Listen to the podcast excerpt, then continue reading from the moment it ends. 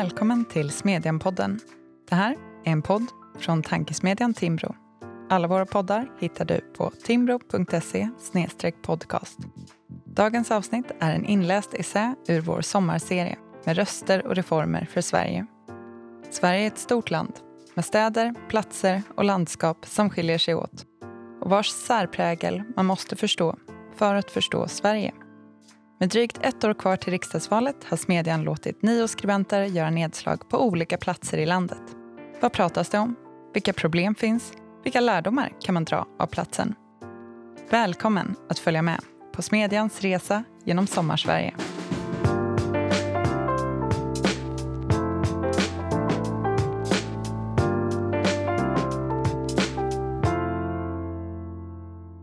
I dagens avsnitt hör ni mig, Katarina Karkainen och essän Gemenskap under press från Aneby i Småland. Det dröjer rätt länge innan jag börjar skriva på den här texten. Som en del av Smedjans sommarresa med essäer från olika delar av landet som jag varit med och beställt texter till, korrekturläst och med stor behållning lyssnat på som inläsningar under semestern ska jag skriva om min hemort Aneby. Men det är inte enkelt. Aneby är ett litet samhälle i norra Småland. Det ligger på småländska höglandet, i bibelbältet kring Jönköping och är nog inte känt för de allra flesta. Då och då känner någon igen namnet från Anebyhus. I kommunen bor drygt 6 500 personer och i tätorten ungefär hälften. Det är relativt få invånare på de nio kyrkor som finns inom Svenska kyrkan men så utgörs också kommunen av ett antal mindre socknar. Vissa av kyrkorna har anor tillbaka till medeltiden men kyrkan inne i Aneby byggdes på 50-talet. Därutöver finns också ett antal frikyrkor. Korskyrkan tillhör Aneby baptistförsamling som ingår i Evangeliska frikyrkan. Allianskyrkan på andra sidan järnvägen är ansluten till Svenska alliansmissionen. Fredstorgskyrkan, som står mitt på torget, drivs av Philadelphiaförsamlingen och är en del av pingströrelsen och står till skillnad från de övriga utanför det kristna råd som bland annat samarbetar kring ekumeniska gudstjänster, soppluncher och konserter vid högtider.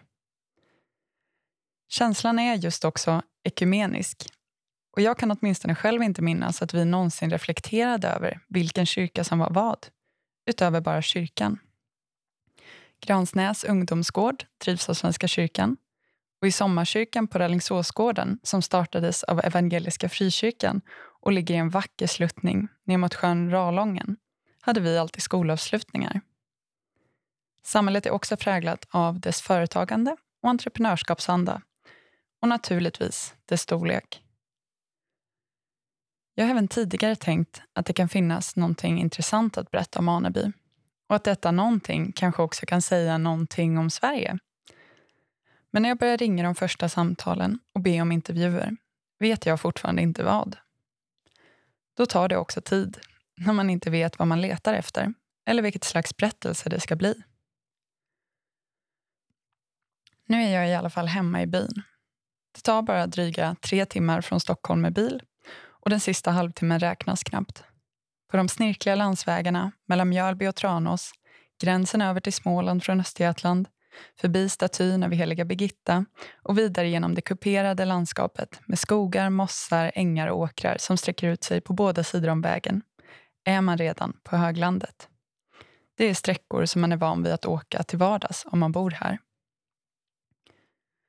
På väg in i samhället kör man över en bro under vilken Svartån flyter och passerar Stalpets vattenfall. Med sina 20 meter i fallhöjd är det södra Sveriges högsta vattenfall och ett stort turistmål. Det står åtminstone på skylten vid trapporna som leder ner i dalgången. Men jag har i ärlighetens namn inte hört någon utanför samhället säga det. Nere i ravinen, som tros ha bildats under den senaste istidens slutskede, har man funnit stenåldersverktyg. Arkeologiska fynd runt omkring Aneby indikerar också att samhället befolkades redan då. Här finns även gravar från bronsåldern och järnåldern. Bebyggelsen anses dock ha varit högst begränsad före 1900-talet. Vid fallet anlades en vattenkvarn vid 1700-talets slut och eftersom det alltid hade rikligt med vatten kom bönder ibland långväga för att mala. 1890 färdigställdes en tillbyggnad som är den del som ännu finns bevarad. Och hur kvarnen såg ut vid 1900-talets början finns nedtecknat av arkitekten Ferdinand Boberg som besökte platsen i augusti 1916 i samband med sin tioåriga Sverigeresa. Det var ungefär i samband med att Aneby bildades. 1874 lades järnvägssträckan mellan Aneby och Nässjö. Då fanns en mindre socken kring Bredesta kyrka. Det fanns en skola och ett antal gårdar, däribland Aneby gård. När gården såldes till godsägaren Anders Petter Andersson styckades markområdet upp och såldes av. Andersson stakade också upp kvarter och gator. Det byggdes lägenheter och 1924 blev Aneby klassat som ett municipalsamhälle. Kommunen, som senare bildades, motsvarar socknarna Askeryd, Bredesta, Bälaryd, Frinnaryd, Haurida, Lommaryd, Marbäck och Vireda. Kommunens vapen pryds av vattenfallet. Senare anlades vid det också en mindre kraftstation. Nu ligger vid vattenfallet ett café och en hantverksbod som drivs av Stalpets sockenbodsförening och på andra sidan vattnet Stalpets sommarkyrka. Jag passerar kaféet med den karaktäristiska gärdsgården när jag promenerar till mitt första möte. Jag har bett om att få tala med Peter Andreasson, Peter Präst, som sedan tio år tillbaka är kyrkoherde i pastoratet och han har bjudit hem mig på kaffe. Han bor bara några hundra meter från vattenfallet i ett hus med natursköna omgivningar och utsikt över ån. I trädgården finns frigående höns, en damm med fiskar och en biodling. Och hemmet vittnar om ett intresse av böcker och musicerande. Peter Andreasson föddes och växte upp i Etiopien med föräldrar som tjänstgjorde som missionärer. Han säger själv att han är uppvuxen med det dubbla perspektivet på livet, kulturer och förutsättningar. Efter att ha prövat kallelsen och studerat teologi i Uppsala har han arbetat som präst i nästan 40 år. Många av åren har han tjänstgjort utanför kyrkans väggar, bland annat som sjukhuspräst och studentpräst. Jag tänker under vårt samtal att han är väldigt mycket av det som Svenska kyrkan borde vilja ha i en företrädare. Jag kände ingen när jag kom hit. Pastoratet var ganska nedgånget. Jag har behövt jobba mycket med att få ordning på saker och ting och skapa en trygghet och tydlighet i organisationen och en riktning och mål angående vad som är vårt uppdrag. Men också arbeta med nätverk i samhället och bygga relationer och se till att kyrkan hamnar mitt i byn och inte blir marginaliserad. Det har ju varit självklart för mig att kyrkan ska vara en aktiv del av samhällsutvecklingen, säger Peter. Han fortsätter. Kommun betyder ju gemenskap. Samhälle betyder att hålla samman, församling att samlas och socken betyder att söka sig samman. Det handlar om oss alla. Vi kan inte säga att saker bara är kommunens ansvar. Mycket är vårt allas ansvar. Fanns det en risk att kyrkan skulle bli marginaliserad? undrar jag. Det fanns sådana tendenser när kyrkan skildes från staten med undantag för att vi är huvudman för begravningsverksamheten. När jag blev präst 1983 fick jag ju sitta på torsdagskvällarna och ta emot människor för att skriva personbevis. Om någon ville skiljas skulle man medla. Vi hade mycket av Skatteverkets funktioner på att folkbokföra människor och skriva i de stora böckerna. Vi är inte en myndighet nu och det är jättebra att vi inte är det. Men den omställningen ändrar mycket. När förutsättningarna ändras dramatiskt är det risk att man inte hittar sin plats. Man ser med fasa på hur människor begär utträde och ekonomin går sämre. Vi är inte längre den rika och stora kyrkan med auktoritet och ett givet inflytande. Men det är en fantastisk möjlighet för Svenska kyrkan att just vara kyrka, bland människor och bygga på tillit snarare än makt. Om det ska fungera någonstans, tänker jag, borde det fungera i Aneby. Kyrkan, eller kyrkorna, ligger bokstavligen mitt i byn. Många förtroendevalda i kommunen är också förtroendevalda i kyrkan. Peter pratar om den anda av samarbete som finns i samhället och som går tillbaka åtminstone till 40-talet då människor kom hit i de vita bussarna. Det återkom med flyktingarna från Eritrea på 80-talet och Bosnien på 90-talet. och idag. Peter fortsätter. Det märktes också förra året när pandemin slog till och vi behövde ordna med utkörning av matkassar och medicin till 70-plussarna. Då var det nio organisationer, kyrkan, fotbollsklubben, Lions Rotary som samlades i kommunhuset och organiserade ett system långt innan Myndigheten för samhällsskydd och beredskap han lyfta luren och ringa biskopen som sedan skickade ut ett brev i stiftet. Kan kyrkan göra någonting? Ja, vi har redan planerat och gjort klart tillsammans med åtta andra. Dessutom har vi gjort det på ett uthålligt sätt så att vi kan hålla på från mars till november varje vecka med beställningar, packning och utkörningar. När vi ställs inför utmaningar söker vi oss samman, identifierar problemet och löser det tillsammans. Det var också vad som hände under flyktingkrisen 2015. Redan på våren hade antalet flyktingar som Länsstyrelsen ville placera i kommunen ökat och inför hösten kom beskedet att fler skulle komma på kortare tid. Kommunen hade egentligen planer på att placera dem i den nedlagda skolan i Lommaryd men på kyrkans initiativ fick de istället boende på Gransnäs ungdomsgård. Den 9 november rullade den första bussen in på Gransnäs med 50 personer. Sen kom det 30 till. Volontärarbetet organiserades genom att ett antal organisationer fick bemanna vart sjätte dygn. Det blev en uthållighet, säger Peter. På slutet var det svårt att få täckning på nätterna, men då gick kommunen in. Men det var över 5% av kommunens invånare som var volontärer på Gransnäs under den tiden. När vi summerade det hela med en lunch efter fem månader med kommunledningen, biskopen och volontärerna var det en fantastisk förmiddag med skratt och tårar. Det är berättelser som jag har hört även från andra håll och uppenbarligen underlättas sådana insatser av närheten som finns i en mindre kommun. Jag undrar om integrationen också gör det. Det finns ju en vedtagen tes om att det är enklare för utrikesfödda att integreras i mindre samhällen. Man tvingas helt enkelt till det från båda håll eftersom man i högre utsträckning känner varandra, hälsar på sina grannar och möts på torget. Det är lättare, men integration är jättesvårt, säger Peter. Det är på så många plan som skillnaderna ger sig till känna. Och blir man arg och irriterad är det lätt att det blir vi och dem. Men vi har inget bostadsområde här där utlandsfödda har buntat ihop sig eller hänvisats till. De bor överallt och de har börjat köpa villor här ute också. Ändå märker vi på skolgården och fotbollsplanen att det finns stora utmaningar med konflikter och bråk. Det kan leda till en offermentalitet bland några av invandrarna.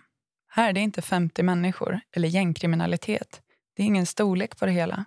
Men bara bitterheten i en 14-årings hjärta kan gro till någonting som blir otäckt om man inte möter det. Varenda individ som vi kan möta, integrera och inkludera är därför jätteviktig. När man hade byggt den nya inomhushallen var det någon som hade slagit sönder stuprören och ytskikten innan invigningen. Det är yttringar som står för någonting, även i den lilla skalan. Jag ställer några följdfrågor om konflikterna och skadegörelsen men det finns många frågetecken om vem och varför. Vi pratar istället om avvägningen mellan att hjälpa sin nästa och att denna nästa själv ska ta ansvar och kunna uppfylla vissa krav.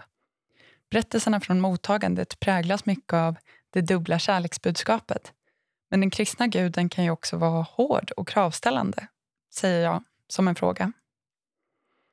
Vi ska ge hjälp till självhjälp, svarar han. Om man ger en hungrig människa bröd blir hon mätt en dag. Men om man lär henne baka blir hon mätt alla dagar. Då är det viktigt att få människor i sysselsättning och det har vi också jobbat med. Kommunen har varit mycket aktiv. Det är den bästa vägen till integration, att man blir en del av samhället. Har ett jobb, tar ansvar, betalar skatt och fungerar som medborgare. Vi ska inte klappa människor på huvudet. Det har jag med mig från Etiopien där mina föräldrar var väldigt klara på att man inte hjälper människor genom att strö pengar på varenda som sträcker fram handen. Han lever också som han lär. Peter berättar att han själv haft en kille från Afghanistan boende hos sig. Där fick han ett sammanhang och tog hand om huset, hunden, hönsen och orkidéerna. Sen fick han börja på ett vikariat på Attends som tillverkar hygienartiklar. När han fick tillfälligt uppehållstillstånd ställdes till med en stor fest i församlingshemmet med alla vänner. Och efter det har han fått fast jobb och kunde senare köpa en lägenhet och renovera den. Nu får han utmärkelse som månadens anställda för trevligt bemötande och säkerhetstänk, säger Peter och beskriver det som att han har blivit en del av familjen. Han säger också att det finns många företagare i Aneby som har en inställning att man hjälper till om man kan. Vi pratar vidare om svårigheterna med integration. Det är en sak att lyckas med det direkta mottagandet och en helt annan att integrera människor och på lång sikt åstadkomma ett fungerande samhälle med sammanhållning. Människor som flydde från Balkan under kriget har integrerats väl jämfört med andra flyktinggrupper. Och jag tror att det är väsentligt mycket svårare vad gäller arbete, utbildning, samhällsuppbyggnad och språk för många av dem som kommer hit från Mellanöstern och Afrikas horn idag. Peter svarar att man får fortsätta försöka. Men det bygger ju också på fortsatt engagemang från personer inom kommunen och näringslivet. Människors energi är ju också en begränsad resurs. Vad händer om den skulle ta slut? frågar jag. Någonting som är grundläggande för de allra flesta människor är att behövas, svarar Peter. Det finns många som längtar efter att behövas om man bara kan skapa forum för den goda viljan och engagemanget. Det ligger någonting i det. Samtidigt tänker jag krast, eller kanske cyniskt, att det nog finns många vanliga medborgare och skattebetalare som har fått sin beskärda dos av att behövas redan. Men kanske är befolkningen i Aneby av ett särskilt segt virke. Jag frågar också om kritiken mot en del av ärkebiskopens utspel och riskerna med Svenska kyrkans politisering och hör att vi har olika ingångsvärden. Peter menar att kyrkan måste vara politisk, om än inte partipolitisk. Men vi ska självklart engagera oss för de mest utsatta människorna. Om vi bara ska sjunga vackra salmer kan vi lika gärna stänga butiken. Läser man Bibeln blir man utmanad och i den står tydligt att man ska värna om änkor, faderlösa och främlingar. Jag förstår den impulsen. Men jag förstår också de av kyrkans medlemmar med borgerliga värderingar som inte längre känner sig hemma när utspelen om migrations och integrationspolitik blir allt fler. Och jag tror själv att alla människors värde och värdighet och uppgiften att vara Guds redskap går att kombinera även med politiska uppfattningar som går på tvärs med sagda utspel. När jag promenerar hem från mötet tänker jag på sammanhållningen som präglar kommunen. Men jag kan heller inte undgå känslan av att det finns andra saker som jag ännu inte har sett. På söndagen tar jag en springtur. Jag springer ner till Fågelsjön vid vårt hus och följer vägen genom åkrarna upp till samhället. Jag promenerar förbi kyrkan och går in på skolgården till Furulidskolan. När jag växte upp gick bara högstadieeleverna här men nu har området utökats med en skola för låg och mellanstadium. Några killar med utländskt påbrå spelar fotboll på den lilla planen framför skolbyggnaden och ropar högt till varandra. Jag blir glad när jag hör att de pratar svenska med varandra och noterar också den känslan för mig själv. Jag går vidare på skolgården och passerar idrottshallen och simhallen innan den stora fotbollsplanen. På den har vi provat friidrott och tittat på fotbollsmatcher när ungdomslaget spelade. Det är stängslat och jag måste springa runt hela anläggningen för att komma in. Bara grindarna längst bort på planen är öppna och det är där den nya inomhushallen är byggd. Hallen har byggts av Sportklubben med stort stöd från företag och privatpersoner och jag vet sedan innan att det finns en stor stolthet över projektet. På väggen sitter de största företagens loggor och på en skylt vid ingången står ytterligare ett hundratal andra företagsnamn och privatpersoner under rubriken Vi satsar och tror på ungdomarna i Aneby kommun. Det verkar lysa om den i kvällssolen. När jag går ut och springer vägen tillbaka ser jag skyltarna på stängslet. Området kameraövervakas. Det är inte alltid enkelt att veta vad man ska läsa in i vilka betraktelser. Senare på kvällen påminns jag om att det var några killar i min storebrors årskull som en natt åkte till skolan och sågade ner ett av träden som stod på skolgårdens framsida. Det skrattar vi åt. Det är ett så pass stort projekt och märkligt att det blir komiskt. Men hade man sett det som ett tecken i tiden idag? Dagen därpå promenerar jag upp till kommunhuset för att träffa Ola Gustafsson som är näringslivs och fritidsansvarig på kommunen. Han är tidigare lokalredaktör och sportjournalist och uppfriskande att samtala med. Han är född i Aneby, har bott här hela sitt liv och började sin tid på kommunen med att vara ansvarig för ett nytt projekt för att vända befolkningsutvecklingen och få fler att flytta hit. Han talar entusiastiskt om företagen i kommunen. Från Attends, Hags och Sealed Air, som är stora, till alla små och medelstora företag inom hantverk, tillverkning, bygg, transport, handel och gröna näringar. Det startas företag i en allt högre takt, säger han. Förra året startades 40 nya företag. I år ligger vi hittills på omkring 25 startade företag under det första halvåret. Vi har den högsta företagsamheten i Jönköpings län. Vi är bättre än Gnosjö procentuellt. Det finns en entreprenörskapsanda. Det blir nog så på mindre orter. Man är van vid att om någonting ska hända får man ta tag i det och lösa det själv. Det är ingen annan som gör det åt dig. Kommunen arbetar aktivt med att vara snabba och tillgängliga i handläggningen och tillmötesgående inom ramar för lagar och regler. Man ligger alltid högt i Svenskt Näringslivs årliga ranking över lokalt företagsklimat. Jag säger att jag också får intrycket av att näringslivet och civilsamhället tar ett väldigt stort ansvar för samhället. Det är en bild som Ola stämmer in i. Det finns ett antal entreprenörer i Aneby som är extremt viktiga för samhället, säger han. De är i regel födda och uppväxta i kommunen och har ett gediget intresse av att saker ska fungera. De flesta fastigheter och industrier och många renoveringar och upprustningar kan härledas till några få personer. Hela Anebyhus gamla industriområde i centrala Aneby är ett sånt som istället för att stå och förfalla köptes upp av Per-Anders på Lövsta trähus och rustades upp byggnad för byggnad till en idag mycket aktiv industriby. Jag åkte runt med en bekant nyligen, fortsätter han, som konstaterade att det knappt fanns några förfallna fastigheter i samhället och att det var nymålade hus och välskötta trädgårdar överallt. Det skapar en positiv spiral som också gör att priserna går upp och att man vågar satsa. Vad lyfter företagen för svårigheter i samtalen med er? Kompetensförsörjning är alltid en fråga för en mindre kommun. En del av företagen är i stort behov av arbetskraft. Vissa behöver specialiserad kompetens, men det finns också en stor efterfrågan inom transportsektorn av chaufförer. Byggbranschen skriker också efter folk och plockar praktikanter direkt från byggprogrammen.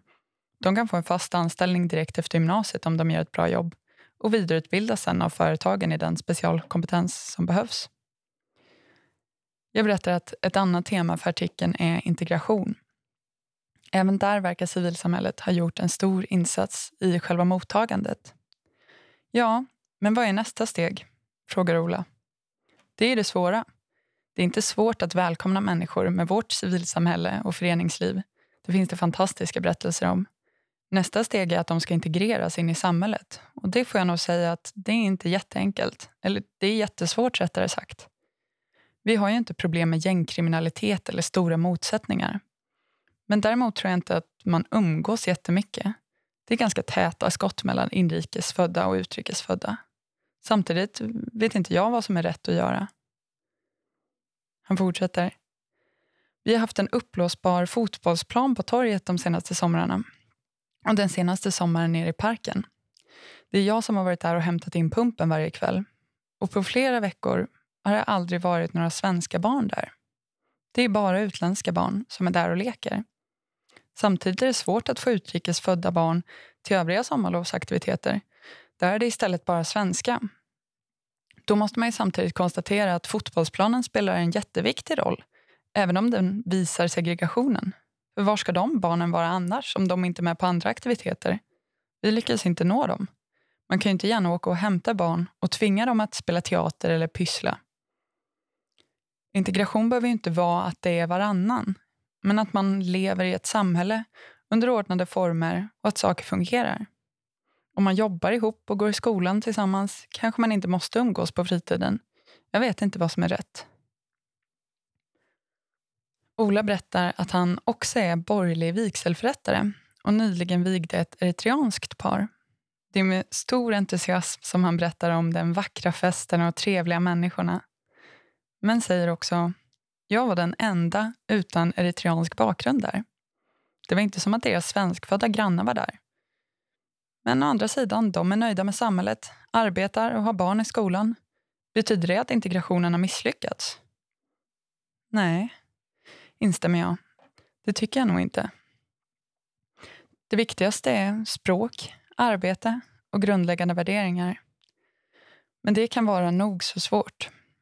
Jag tänker på Gnosjö som har lyfts som ett framgångsexempel för att flyktingar från olika länder under de senaste 50 åren har kunnat få arbete snabbt och komma in i samhället. Arbetslösheten i Gnosjö var ändå 13 procent bland utrikesfödda förra året att jämföra med 5,9 procent totalt. I Aneby var motsvarande siffror 25 procent bland utrikesfödda jämfört med 5,8 procent totalt. Förutom europeiskt födda är situationen ännu svårare. Siffrorna visar i sin tur inte hela sanningen om till exempel självförsörjningsgrad där Entreprenörskapsforum i en rapport förra året visade att en majoritet utrikesfödda aldrig blir självförsörjande. Ola nickar instämmande.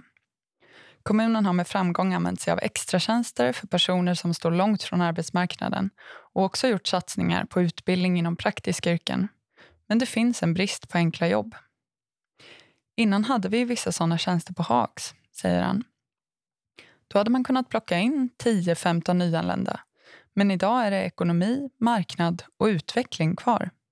Flektwoods hade en fabrik i Aneby med 80 anställda.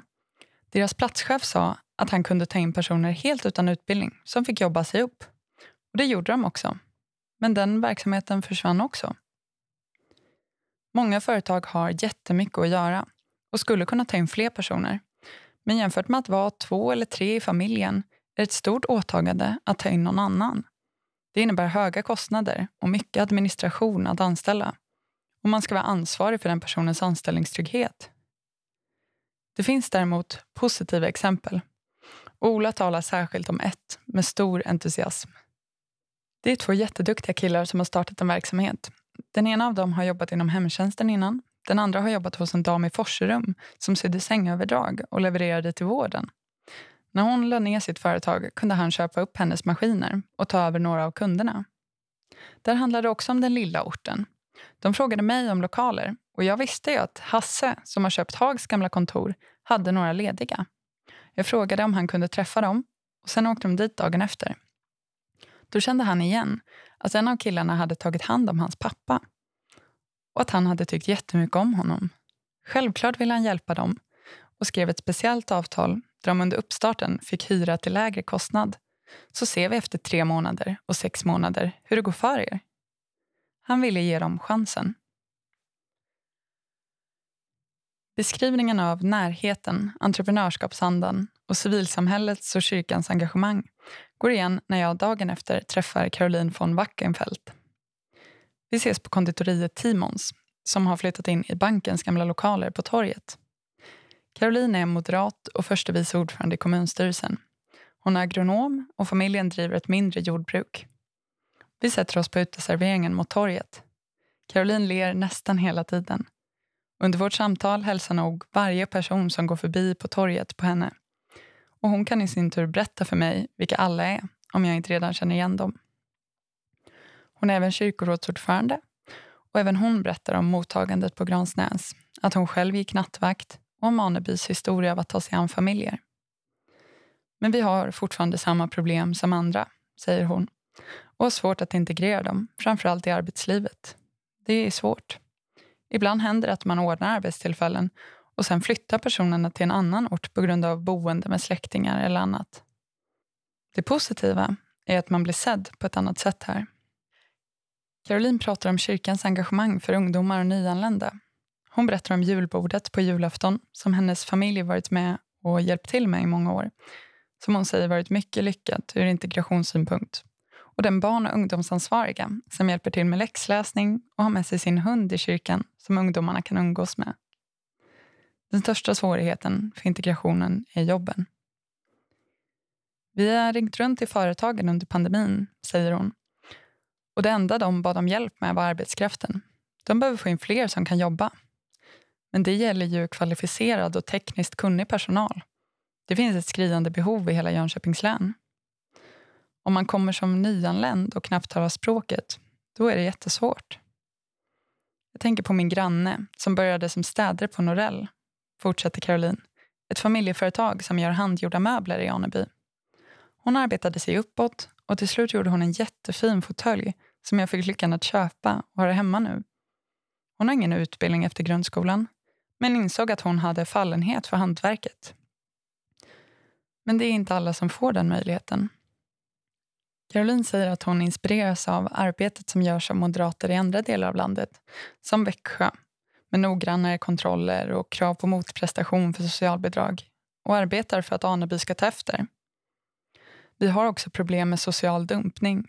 Stora familjer med sex eller sju barn som flyttar in där det sen visar sig att det finns jättestora behov. Vi har haft några sådana fall och om det kostar en miljon om året så blir det tungt för en liten kommun. Vi är ju skyldiga att ta hand om dem men ibland undrar man varför kommunen som de kommer ifrån inte har gjort någonting. Det blir ännu svårare när vi inte kan stödja från början. De sociala kostnaderna har ökat mycket de senaste åren. Och det finns hedersproblematik också. Det är ett år kvar till riksdagsvalet nu, avslutar vi vår intervju. Vad är viktigast för Aneby från den nationella politiken? Det är definitivt arbete. Att få in nyanlända i arbete och få bukt på de sociala problemen. Kostnaden för några få ungdomar som är placerade motsvarar idag kostnaden för hela hemtjänsten. Det stämmer inte helt överens med att vi vill ge äldre den bästa omvårdnaden. Innan jag går frågar Caroline ut mig om mina erfarenheter och upplevelser av att växa upp i Aneby. Jag säger att jag minns det som en väldigt lugn och trygg plats men att det också var betydligt mer homogent då. På gott och ont, svarar hon och jag instämmer. Efter kaffen på Timons promenerar jag över till kommunhuset. Beata Allen möter mig i receptionen. Hon är centerpartist och sedan det senaste valet kommunstyrelsens ordförande. Vi sätter oss i sammanträdesrummet med utsikt över torget. Och nu är jag angelägen om att få svar på de senaste dagarnas bryderier. Jag frågar om svårigheterna med kommunens ekonomi. Vi behöver öka intäkterna och få fler invånare som är med och betalar skatt, svarar Beata. Vi behöver också minska våra kostnader vi har gjort jämförelser med andra kommuner och sett att vi har högre kostnader än vad vi borde. Framförallt inom den sociala avdelningen, särskilt äldreomsorgen och ekonomiskt bistånd. Det är tufft eftersom en del till exempel handlar om barn som far illa. Vi har många fall av omhändertagande. Vi gör också ett arbete med förebyggande insatser för att stärka upp föräldraskapet tidigt. Men det fungerar inte alltid. Resultaten av effektivisering kan därför snabbt försvinna i en annan del av verksamheten det pågår ett arbete också med ekonomiskt bistånd och biståndsbedömningen. Vi ska inte vara för återhållsamma, men inte heller för generösa, vilket vi har varit tidigare. Hon uttrycker sig rakt på sak, men låter samtidigt väldigt positiv och hoppfull över det arbete som initierats under de senaste åren. Vilka svårigheter finns vad gäller integrationen, undrar jag. Branscher som i regel anställer både unga och nyanlända är de som har drabbats hårdast av pandemin. Sen finns det alltid en grupp som står väldigt långt från arbetsmarknaden och kanske aldrig kommer lära sig språket heller. Inom den gruppen finns förstås många försörjningsstödsmottagare. Vi har gjort en del insatser för att försöka få fler utrikesfödda i arbete. Snickeriet är en sån, som har genomförts med stöd från Europeiska socialfonden. Vi har också utbildat en del till barnskötare parallellt med extratjänsterna. Kyrkan och civilsamhället har gjort stora insatser med mottagandet. Föreningslivet har också tagit ett stort ansvar för integrationen. Jag pratade med Kenneth Råsberg som är styrelseordförande för Aneby Sportklubb. Han är så stolt över gänget som är med där och tränar och spelar. Och när vi hade Anebydagen senast hade vi en dag då vi plockade skräp i kommunen. Och då var de killarna, de som kom till kommunen som flyktingar, med och plockade och plockade och ville inte sluta. De var så glada över att få hjälpa till. Vad hade behövts från den nationella politiken för att få fler i arbete, undrar jag. Jobben skapas inte av politiken, men politiken skapar förutsättningar, svarar Beata. Det handlar om skatter, kostnader för att anställa, regelbördan och matchningen mellan utbildning och arbetsmarknadens behov.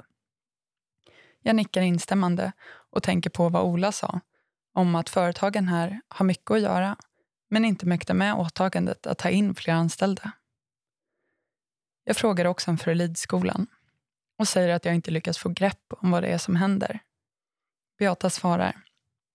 Nu har vi haft en period där det varit hårdare ton och mindre respektfullt bland eleverna. Det är naturligtvis bara en mindre grupp. Sen har vi på senare tid märkt att det finns motsättningar mellan svenskfödda och invandrare och kan bli konflikter. Det jobbar skolan med och vårt brottsförebyggande råd också.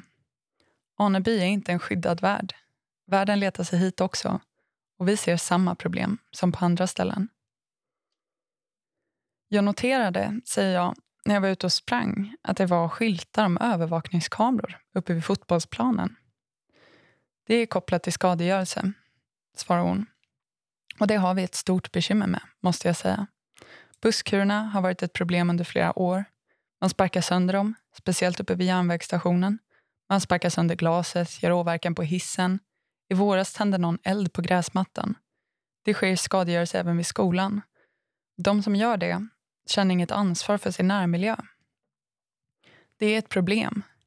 En trasig närmiljö känner man sig som medborgare eller gäst inte stolt över eller trygg av. Om man kliver av i stationen och det första som möter dig är glassplitter eller busskurer utan glas och en hiss som inte fungerar, är det ju inte bra. Dessutom kostar det väldigt mycket att ställa saker i ordning. Har det blivit värre än tidigare, undrar jag. Det känns som att det blivit värre, men det är bara min upplevelse. Vi hinner knappt få upp ett nytt glas innan det är sönder igen. Men skulle ju vilja veta varför. Det är troligtvis ett uttryck för någonting, säger hon. Upplevelser, ja. Upplevelser och perception av verkligheten spelar roll. Under dagarna i Aneby talar jag en kväll med en vän på telefon. Jag berättar om upplevelserna som jag har fått återberättade och att de stundom är svåra att föra samman trots att alla inbegriper sanning. Han säger att jag låter postmodern. Det håller jag väl med om. Men poängen är egentligen inte särskilt relativistisk.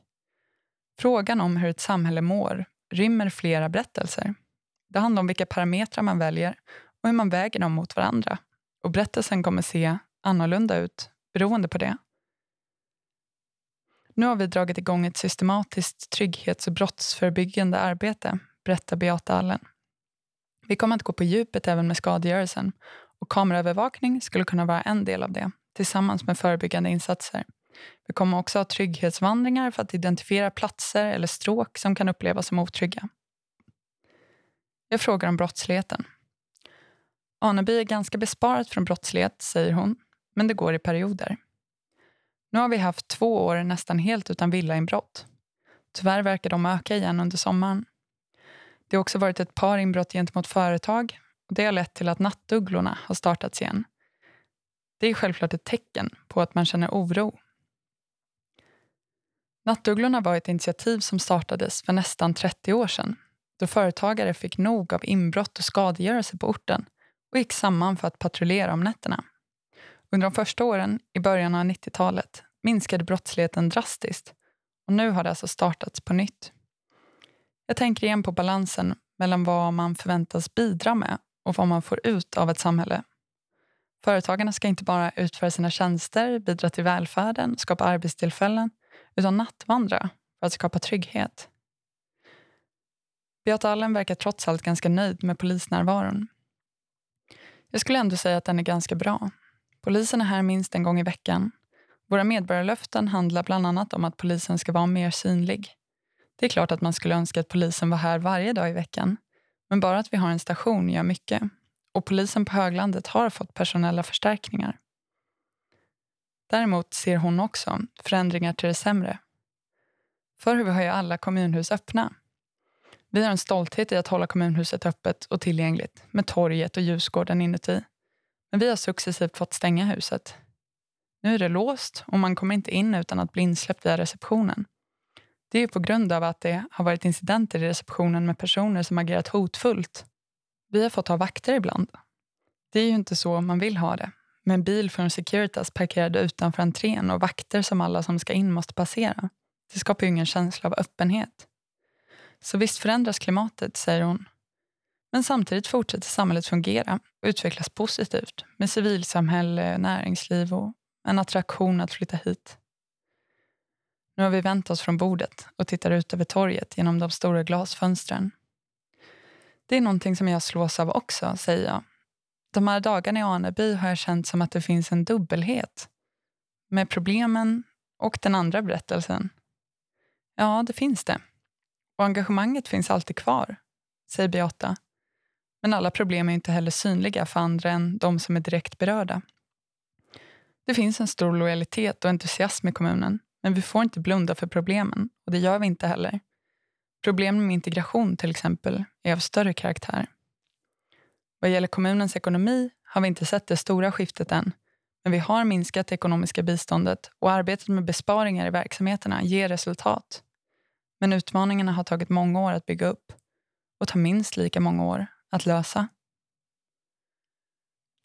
Jag lämnar kommunhuset och promenerar hem. Några barn går med en boll över torget. Vid grillen står ett par killar och pratar. Det finns mycket som påminner om den lugna och trygga plats som jag växte upp på. Och säkert sånt som är bättre, men också en del orosmoln. Sen får jag skjuts genom samhället till tågstationen. Vi kör förbi prydliga hus och trädgårdar. Det har öppnat en ny thai-restaurang i det gamla stationshuset. Men på perrongen är glaset på busskurerna borta. De har väl alltid varit trasiga, säger mamma. Jag minns inte. Du har lyssnat på en inläst essä från Smedjan och Tankesmedjan Timbro. Hela serien Smedjans sommarresa och alla våra artiklar hittar du på timbro.se smedjan. Vi ses där och hörs igen här om en vecka. Glad sommar!